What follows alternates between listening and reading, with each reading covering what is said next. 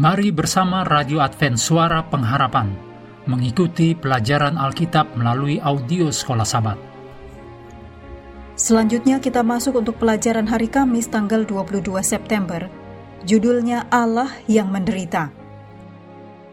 Mari kita mulai dengan doa singkat yang didasarkan dari Yohanes 16 ayat 33. Dalam dunia kamu menderita penganiayaan, tetapi kuatkanlah hatimu aku telah mengalahkan dunia.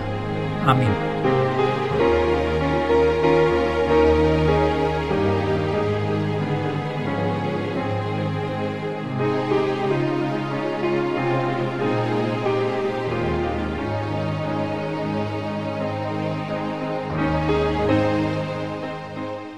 Sebaiknya kita membiasakan diri bahwa selama kita ada di dunia ini, kita akan menderita sebagai makhluk yang telah jatuh, penderitaan itu adalah nasib kita.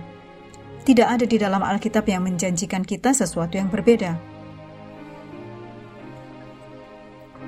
Ayat-ayat berikut ini mengatakan kepada kita tentang penderitaan.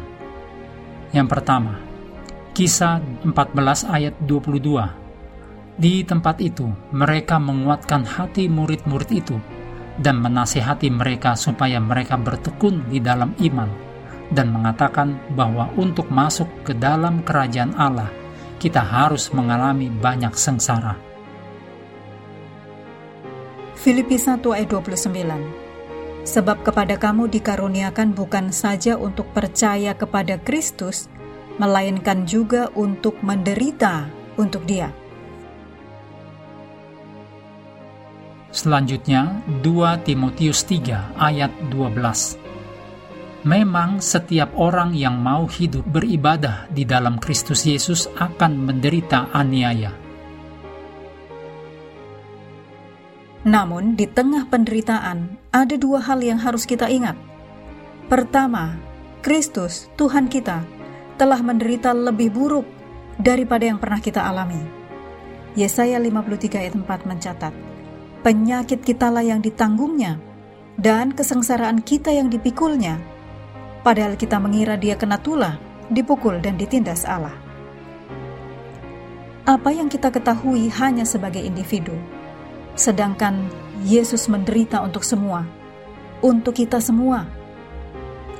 Yesus yang tidak berdosa menjadi dosa karena kita.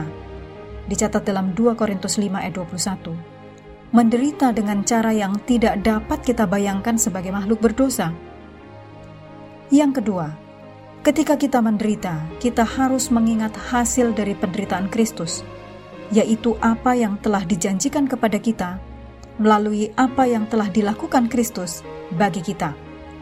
Hidup kekal adalah yang dijanjikan bagi kita, seperti tertulis dalam Yohanes 10 ayat 28, Roma 6 ayat 23, Titus 1 ayat 2, dan 1 Yohanes 2 ayat 25 apa pun penderitaan kita di dunia ini, terima kasih kepada Yesus. Terima kasih karena Dia telah menanggung hukuman dosa kita di dalam dirinya. Terima kasih atas berkat penyediaan besar dari Injil, bahwa melalui iman kita dapat berdiri sempurna di dalam Yesus. Saat ini, kita memiliki janji hidup yang kekal. Kita memiliki janji bahwa karena apa yang telah Kristus lakukan, karena kepenuhan dan kelengkapan hidupnya yang sempurna dan pengorbanan yang sempurna. Keberadaan kita di sini penuh dengan rasa sakit, kekecewaan, dan kehilangan. Tidak lebih dari sekejap ada, kemudian hilang.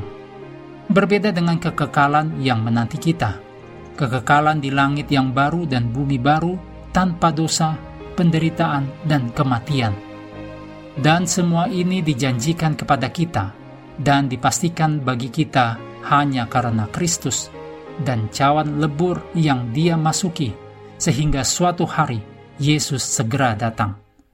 Dia akan melihat bahwa sesudah kesusahan jiwanya, ia akan melihat terang dan menjadi puas. Demikian dicatat dalam Yesaya 53 ayat 11. Mengakhiri pelajaran hari ini, mari kembali kepada ayat hafalan kita Matius 27 ayat 46. Kira-kira jam 3 berserulah Yesus dengan suara nyaring. Eli, Eli, lama sabachthani.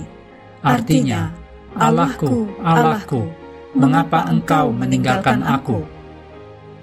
Hendaklah kita terus tekun mengambil waktu bersekutu dengan Tuhan setiap hari bersama dengan seluruh anggota keluarga, baik melalui renungan harian, pelajaran sekolah sahabat, juga bacaan Alkitab sedunia, percayalah kepada nabi-nabinya, yang untuk hari ini melanjutkan dari 1 Samuel pasal 16. Tuhan memberkati kita semua.